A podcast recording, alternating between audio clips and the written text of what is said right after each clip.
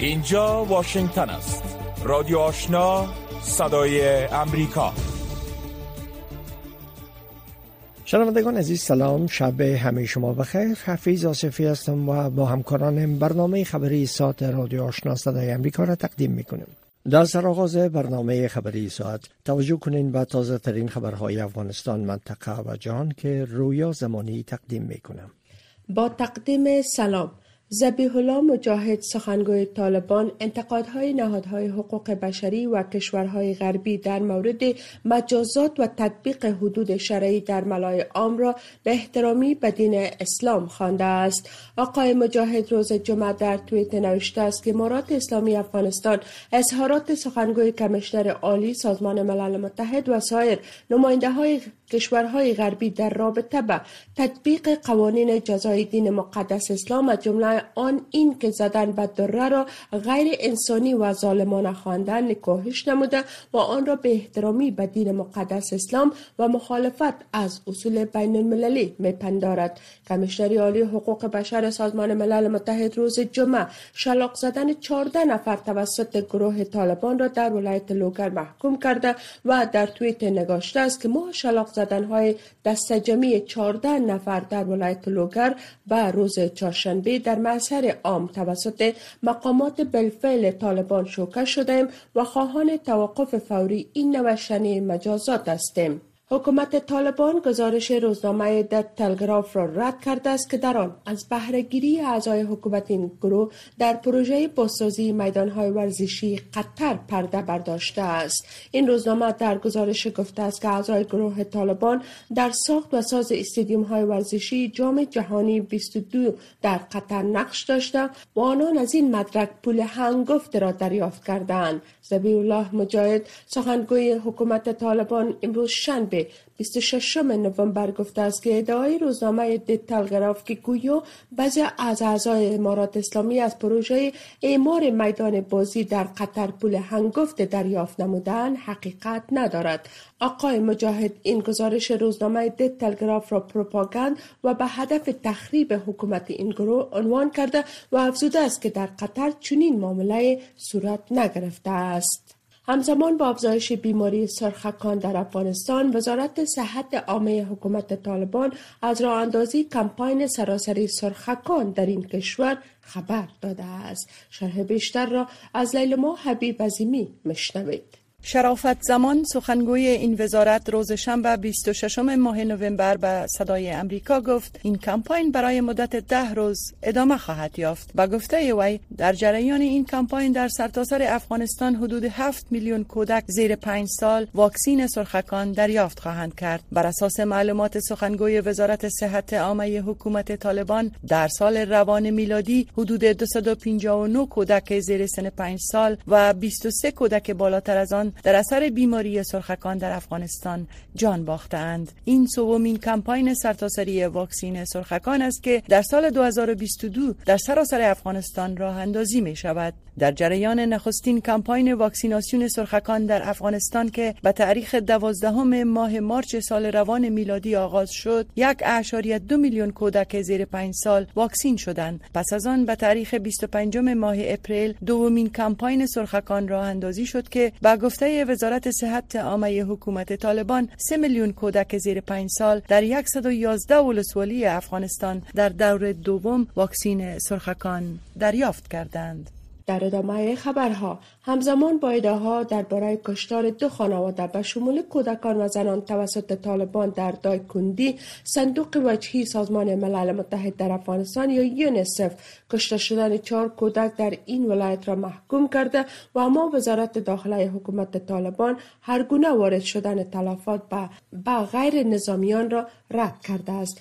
محمد محقق رهبر حزب وحدت اسلامی مردم افغانستان که در ترکیه به سر می‌برد گفته است که در حمله طالبان بر روستای مرکز ولایت دایکندی نه تن به شمول یک زن و سه کودک از دو فامیل جان باختند. اون وقت روز جمعه 25 نوامبر در صفحه فیسبوک خود این حمله را محکوم کرده و آن را عمل ضد بشری خوانده است. محمد سروردانش معاون پیشین رئیس جمهور افغانستان گفته است که گروه حاکم نامشروع طالبان باری دیگر در دایکندی فاجعه آفریده است. اتاق تجارت و سرمایه گذاری افغانستان از ادامه بسته ماندن بندر دند پتان یک از بنادر مرزی میان افغانستان و پاکستان ابراز نگرانی کرده و می‌گوید که ادامه این وضعیت به سکتور خصوصی و به ویژه تاجران افغان زیانهای زیاد وارد شده است. گفته می شود که این بندر مرزی میان این دو کشور پس از آن بسته شد که هفته گذشته نیروهای طالبان و پاکستانی در مربوطات مرزی ولایت پکتیا با هم درگیر شدند. خان جان یک از اعضای هیئت مدیره اتاق تجارت و سرمایه گذاری افغانستان روز شنبه به صدای امریکا گفت که با بسته شدن این بندر تاجران افغان با مشکلات زیاد مواجه شدند او اضافه کرد که در حال حاضر صدها لاری حامل اموال تجارتی در هر دو طرف سرحد گیر مانده و منتظر باز شدن این گذرگاه هستند. این عضو هیئت مدیره اتاق تجارت و سرمایه گذاری افغانستان گفت که اخیرا گذرگاه مرزی چمن نیز به دلیل درگیری مرزی میان طالبان و نظامیان پاکستانی برای چند روز مسدود شد که در اثر آن به تاجران افغان کم از کم دو میلیون دلار زیان وارد شد. خبرهای منطقه و جهان را از رادیو آشنا صدای امریکا دنبال می کند. انتظار می رود که امران خان صدر پیشین پاکستان امروز به هزاران تن از هوادارانش سخنرانی کند. پس از آن که او در اوایل ماه جاری میلادی هدف گلوله قرار گرفت این اولین بار است که در محضر عام ظاهر می شود. امران خان مقام های فیلی پاکستان را متهم کرده است که در تیراندازی بر وی دست داشتن اتهامی که مقام های حکومت آن کشور آن را رد کردند. اردوی ایالات متحده می گوید که دو راکت به یک پایگاه نظامی در شمال غرب سوریه که نیروهای امریکایی در آن مستقر هستند اصابت کرده است. در بیانیه اردوی امریکا که روز جمعه به نشر رسیده است این حمله تلفات در پی نداشته و آسیب به پایگاه نیز نرسیده است. بر اساس این بیانیه نیروهای دموکراتیک سوریه که تحت حمایت امریکا هستند ساحه راک راکت ها از آنجا پرتاب شده بود بازرسی کردند و یک راکت سیومی را نیز در آنجا دریافتند. این پایگاه نظامی در شهر الشدادی در ولایت حسکه سوریه موقعیت دارد و علاوه بر نیروهای ائتلاف تحت رهبری امریکا نیروهای دموکراتیک سوریه نیز در آنجا مستقر هستند تا کنون شخصی یا گروه مسئولیت این حمله را به دوش گرفته است و در بیانیه نیروهای امریکایی نیز در مورد چیز گفته نشده است. این نخستین باری نیست که این پایگاه نظامی امریکا مورد حمله راکتی قرار می گیرد در ماه سپتامبر سال روان نیز این پایگاه مورد حمله راکتی قرار گرفته بود. مقام های اوکراینی امروز شنبه از بازسازی زیرساخت های خدماتی آب و برق در آن کشور خبر دادند که توسط نیروهای روسی به شدت آسیب دیده است. ولادیمیر زلنسکی رئیس جمهور اوکراین می‌گوید که میلیون ها نفر که شاهد بیبرقی بودند حالا خود شاهد بازسازی این روند بودند. درگیری ها در شرق این کشور ادامه داشت و ساکنان شهر جنوبی خرسون پس از بمباران شدید و مرگبار نیروهای روسی در روزهای اخیر به سمت شمال و غرب فرار کرده بودند. این حملات تلاش های انتقام جویانه روسی علیه مردم اوکراین بود اما مقاومت اوکراینی ها پس از آن صورت گرفته است که سربازان اوکراینی بیش از دو هفته قبل شهر خرسون را که ماها تحت محاصره روسیه قرار داشت را آزاد کردند رئیس جمهور زلنسکی همچنان در سخنرانی ویدیو این را وقت روز جمعه گفت که وظیفه کلیدی امروز و همچنان روزهای دیگر این هفته احیای انرژی است. مقام های چینایی می‌گویند که آتش سوزی روز جمعه در یک اپارتمان در منطقه سین کیانگ در شمال غربی چین ده نفر را از بین برده و نه تن دیگر را مجروح ساخته است. این آتش سوزی در حال نوقت پنجشنبه شب در منطقه چی رخ داد که درجه حرارت پس از تاریکی شب به زیر صفر رسیده است. بر اساس گزارش ها این تلفات و جراحات ناشی از استنشاق دود سمی بوده است و کسانی که به شفاخانه انتقال داده شده بودند انتظار می رود که در حالت خوب قرار داشته باشند. تحقیقات اولیه نشان می دهد که آتش سوزی از جرقه لین برق در اتاق خواب یک از اپارتمان طبقه 15 ناشی شده است. شنونده های محترم این بود مشروع خبرها تا این لحظه از امواج رادیو آشنا صدای امریکا. شنوندگان گرامی رادیو آشنا صدای امریکا. نشرات رادیو آشنا را در موج متوسط 1296 موج کوتاه 11575 اعشاری صفر و در موج 972 کیلوهرتز شنیده می توانید. خبرهای افغانستان منطقه و جهان از رادیو آشنا صدای امریکا شنیدین. آل هم گزارش های ای برنامه. حکومت جدید سویدن خواستار اخراج پناهجویان بدون اسناد از این کشور شده و بنیاد آمار اداره مهاجرت سویدن برای نزدیک به 7000 پناهجوی افغان از کشور حکم اخراج صادر شده. ولی آریان در این باره گزارش میدم. هفت سال به سرنوشتی و دشواری های زندگی در سویدن. در آشفت وضعیت دشوار افغانستان اما پس از سالها زندگی در سویدن در شمال اروپا اکنون با خطر اخراج اجباری رو بروست تنها و بدون خانوادهش باید به افغانستان برگردد زیرا حکم دادگاه اداره مهاجرت سویدن همین است. جمشید سوزان هفت سال پیش با دو همسر و چهار فرزندش از راه قاچاقی از افغانستان تا به سویدن آمد. و غیر از این مرد پناهندگی همه اعضای خانوادهش پذیرفته شد. کودکانش شهروندی سویدن را نیست دارند و اما اداره مهاجرتی این کشور به دلایل پناهندگی این مرد را رد کرده است. چیزی که شقایق سوزان همسر این مرد را به شدت نگران ساخته است. شرایط افغانستان برای همگی فعلا معلوم است که مردم در شرایط زندگی می‌کنن. اونجا اصلا امنیت نداره هیچ کس. اداره مهاجرت هم امر شورم دیگه بسیار چیز می‌کنه بسیار بیعدالتی می‌کنن. این اقامت نمیتن با وجود از اینکه سه دانه طفل ما اینجا اقامت شهروندی سویدن نداره ولی بازم این کار می‌کنه که بر از اقامت به تعلق هم می‌گیره برش ولی بازم این کار می‌کنه. بازم بهانه می‌گیرن. با یک نحوی بهانه می‌گیرن که بتونن بر از جواب منفی روان کنن. حکومت جدید راستگرا در سویدن اما اکنون بر اجرای قوانین سختگیرانه در برابر پناهجویانی که بدون مدرک هستند و یا پناهندگی آنان در این کشور رد شده است تاکید دارد. چیزی که از تعهدات مهم در توافقنامه تشکیل حکومت میان احزاب جناح راست بوده است. اداره مهاجرت سویدن به تلویزیون آشنا صدای امریکا تایید می کند که اوضاع در افغانستان وخیم است و پرونده های پناهجویان به گونه فردی بررسی خواهد شد. این وضعیت آرامش پناهجویان افغان بدون مدرک را سخت آسیب زده است چنان که حکم اخراج جمشید از سویدن بر کودکان او آرامش نمانده است. هیچ امکان نداره ما برم در افغانستان. هیچ امکان نداره به خاطر اونجا ما هفت سال در اروپا زندگی کردیم. حالا ما برم اونجا به نام یک اروپایی یاد میشم. به نام یک خارجی میگه آمد از کشور. مرا به چشم خوب نمی‌تونن وادیده و بسیار بر من شرایط سخت است. وقت خانواده در پولید نباشه خانم نباشه اولاد نباشه هیچ امکان نداره. در حالی که اداره مهاجرت سویدن می‌گوید که در پیوند به پیشنهادات حکومت در این زمینه رایزنی می کنند و تا هنوز تصمیم نهایی در این باره گرفته نشده است. فعالان حقوق پناهجویان اما در سویدن از این تصمیم حکومت به شدت انتقاد می کنند و این کار را نقص حقوق پناهجویان می دانند مینا احمدی فعال حقوق پناهجویان در این باره می‌گوید. این زیاد مشکل است به کسایی که مثلا در فامیلش یک ازش قبولی دارن و اگر خانمش قبولی داشته باشه و شوهرش نداشته باشه در این وضعیت در افغانستان که فعلا وجود داره اونا نمی‌تونن که پس برگردن و از افغانستان و را دوباره پیوندی. به خاطر پیوندی هم یک شرط است که خانمش باید کار و خانه داشته باشه. این یک شرط است و اگر خانمش یک را پوره نکنه خب به هیچ دلیل نمی‌تونه که شوهر خود طلب کنه بر بنیاد آمارهای اداره مهاجرت سویدن برای نزدیک به هفت هزار پناهجوی افغان در سویدن حکم اخراج داده شده است. شنوندگان گرامی رادیو آشنا صدای امریکا.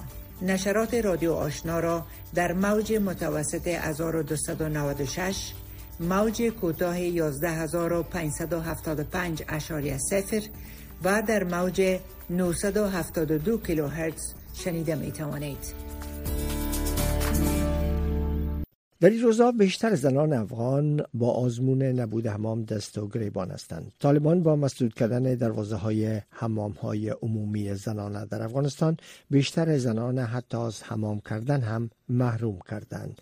شاهپور صابر خبرنگار رادیو آزادی در این مورد گزارش داره که با هم میشنویم. ما چیکار کنیم خونه بچه ها خود تفلا خو میبردیم ما میشوشتیم الان حمام نیه دیگه تفلا ما مریض میشه چیکار کنیم چه رقم بشوریم همین حمام زنانه اگه با باشه که بیتر ما ملیحه 50 ساله نزدیک به یک هفته می شود که از رفتن به حمام زنانه محروم شده است.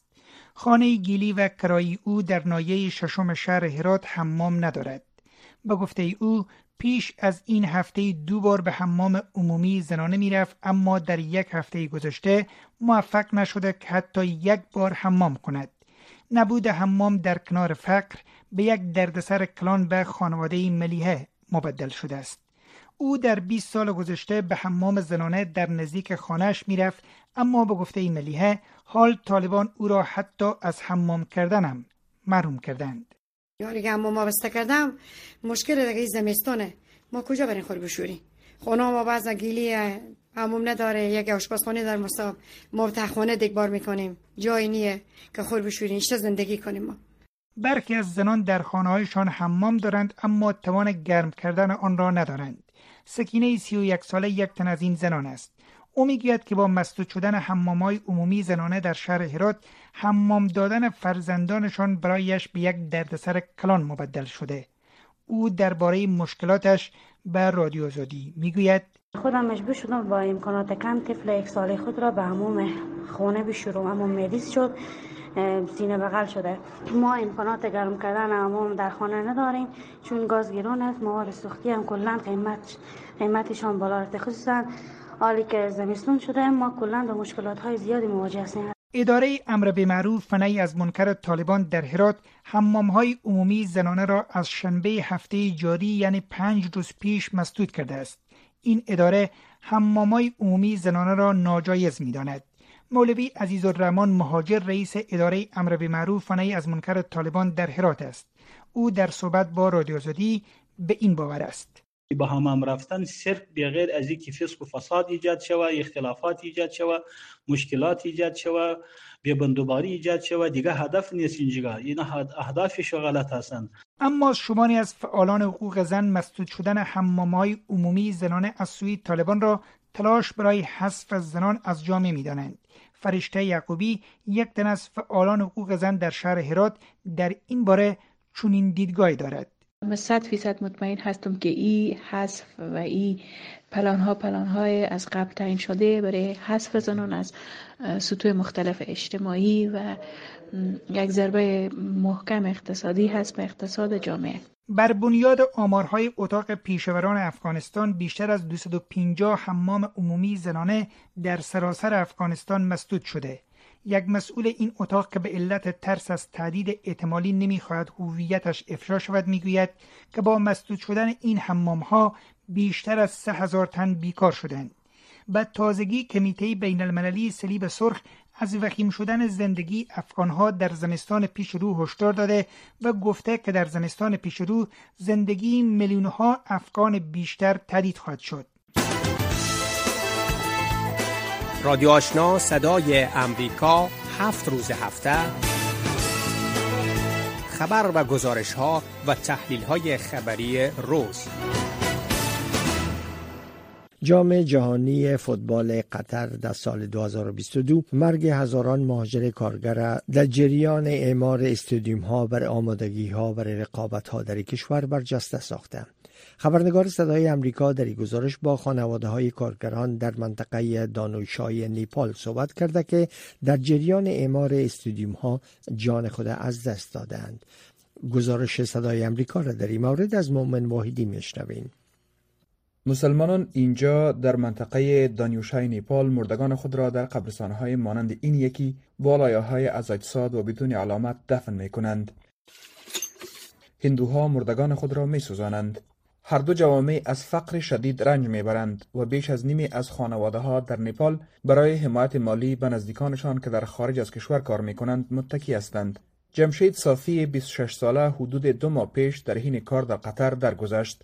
پس از انتقال جسد جمشید با هزینه شخصی به خانهاش برادرش ساخیل صافی در حال آماده شدن برای بازگشت به کار در قطر است. در قریه نمی‌دانم چی کار انجام دهم زیرا پس انداز کردن پول بسیار سخت است. حتی اگر ده روز هم کار کنم برای نیازهای خانواده و پس انداز پول کافی در دسترس نیست. قطر در دهه گذشته به یک مقصد کاری مطلوب برای بسیاری از نیپالی ها تبدیل شده است. این کشور 12 سال پیش میزبان جام جهانی 2020 اعلام شد و از آن زمان تا اکنون این کشور کوچک خلیج فارس بیش از 200 میلیارد دلار را در ساختمان ورزشگاه ها و زیرساخت های مربوط سرمایه گذاری کرده است. هزاران مهاجر از سراسر آسیای جنوبی و افریقا در جریان ساخت ساز تأسیسات برای بازی ها جان خود را از دست دادند و عفو بین الملل می‌گوید که بیشتر تصادیق مرگ علت مرگ را غیر مرتبط با کار ذکر کردند در نتیجه خانواده های کارگران متوفا نمی توانند مطالبه غرامت کنند. ما به شرکت گفتیم که جمشید در حین انجام کار درگذشت. چرا در گزارش نوشته شده که او در اتاقش فوت کرده است؟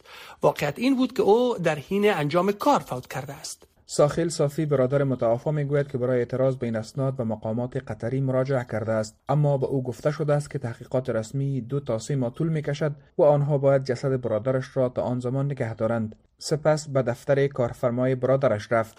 آن شخص به قدر عصبانی شد که از جایش بلند شد و به من گفت برو با رئیس صحبت کن. مدام به من می‌گفت برو با رئیس صحبت کن. ساخیل صافی می‌گوید رئیس مورد نظر همیشه مشغول و همیشه عصبانی بود. بنابراین در نهایت تسلیم شد. قطر در شش سال گذشته اصلاحات زیادی در مورد کارگران انجام داده است. از جمله حداقل حقوق و یک هیئت اختصاصی برای رسیدگی به شکایات. اما کارگران می‌گویند داستان صافی هنوز غیر عادی نیست. مقامات جام جهانی قطر درخواست مصاحبه برای این گزارش را رد کردند.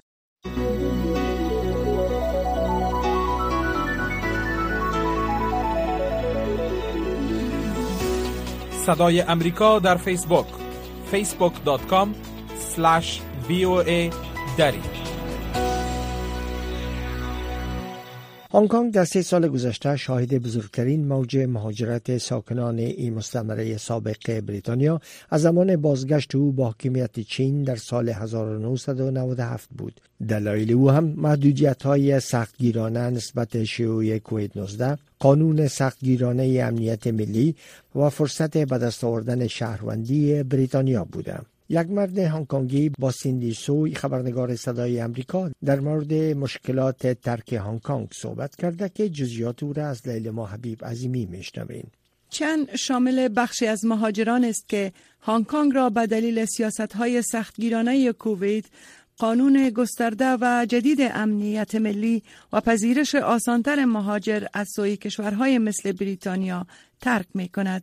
ترک یک عمر توشه زندگی و خاطرات ساده نیست. برای سنی چند ترک یگانه خانه که تا حال شناخته طوری که بیان می کند چنین است.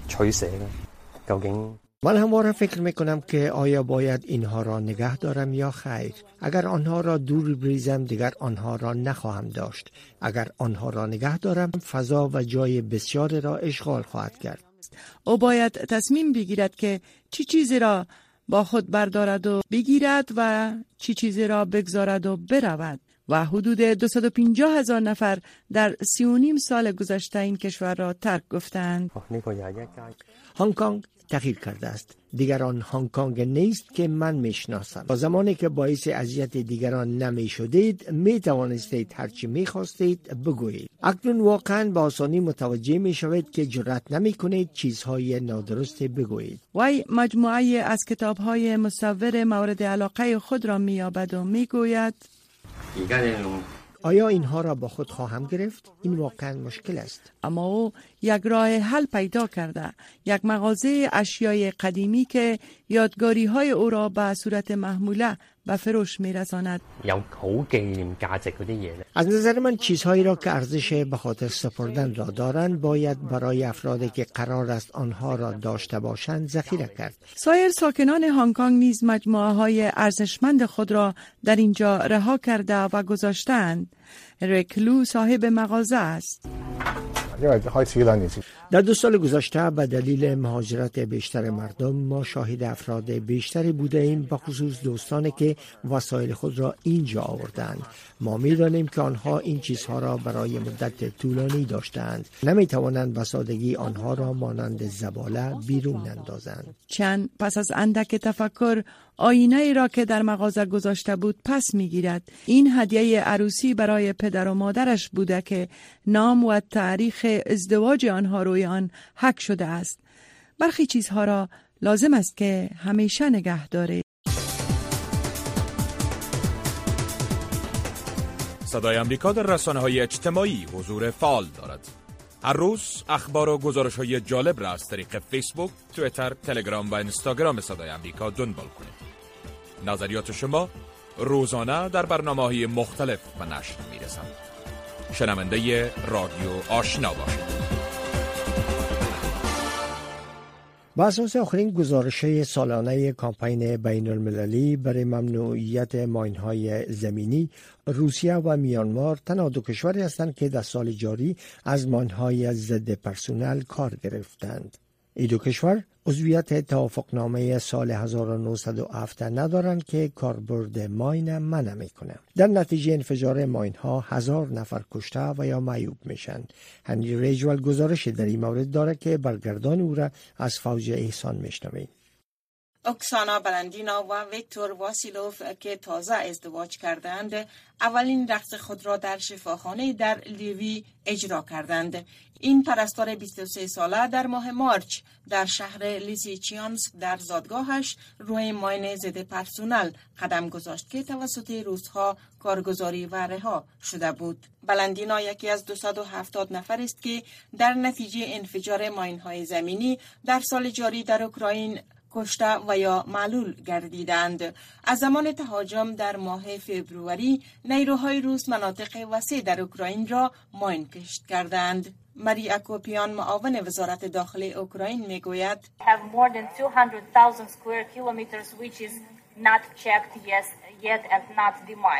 ما 200 هزار کیلومتر زمین داریم که تا هنوز آن را بررسی و آری از ماین نکرده ایم. در این گزارش گفته شده که روسیه این ماین ها را یا از طریق هوا رها کرده است یا از طریق فیر راکت و توپخانه و یا توسط دست کارگزاری کرده است. مری وری هم یکی از تهیه کنندگان گزارش در مورد ماین های زمینی گفت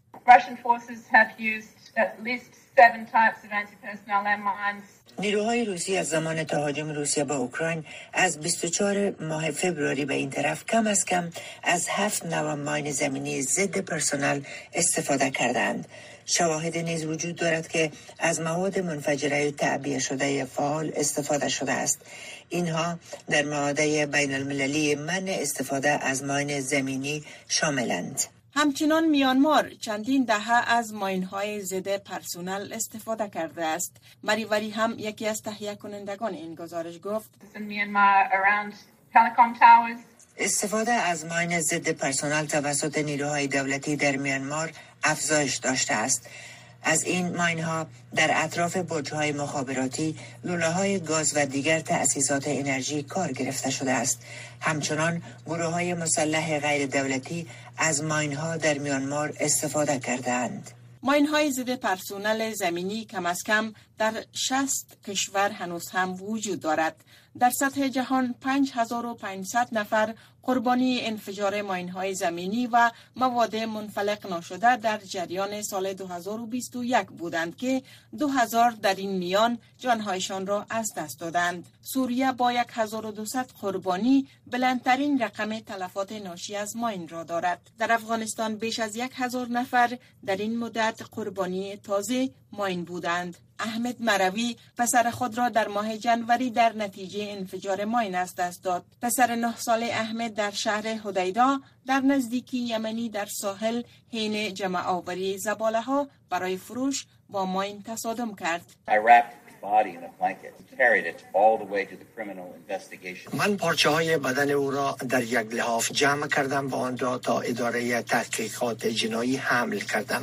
من نتوانستم جسد او را شستشو و یا تدفین کنم. او را در داخل خریطه پلاستیکی دفن کردم. تحت معاهده ممنوعیت ماین 94 کشور بیش از 55 میلیون ماین زمینی زخیرگاه هایشان را از بین بردند.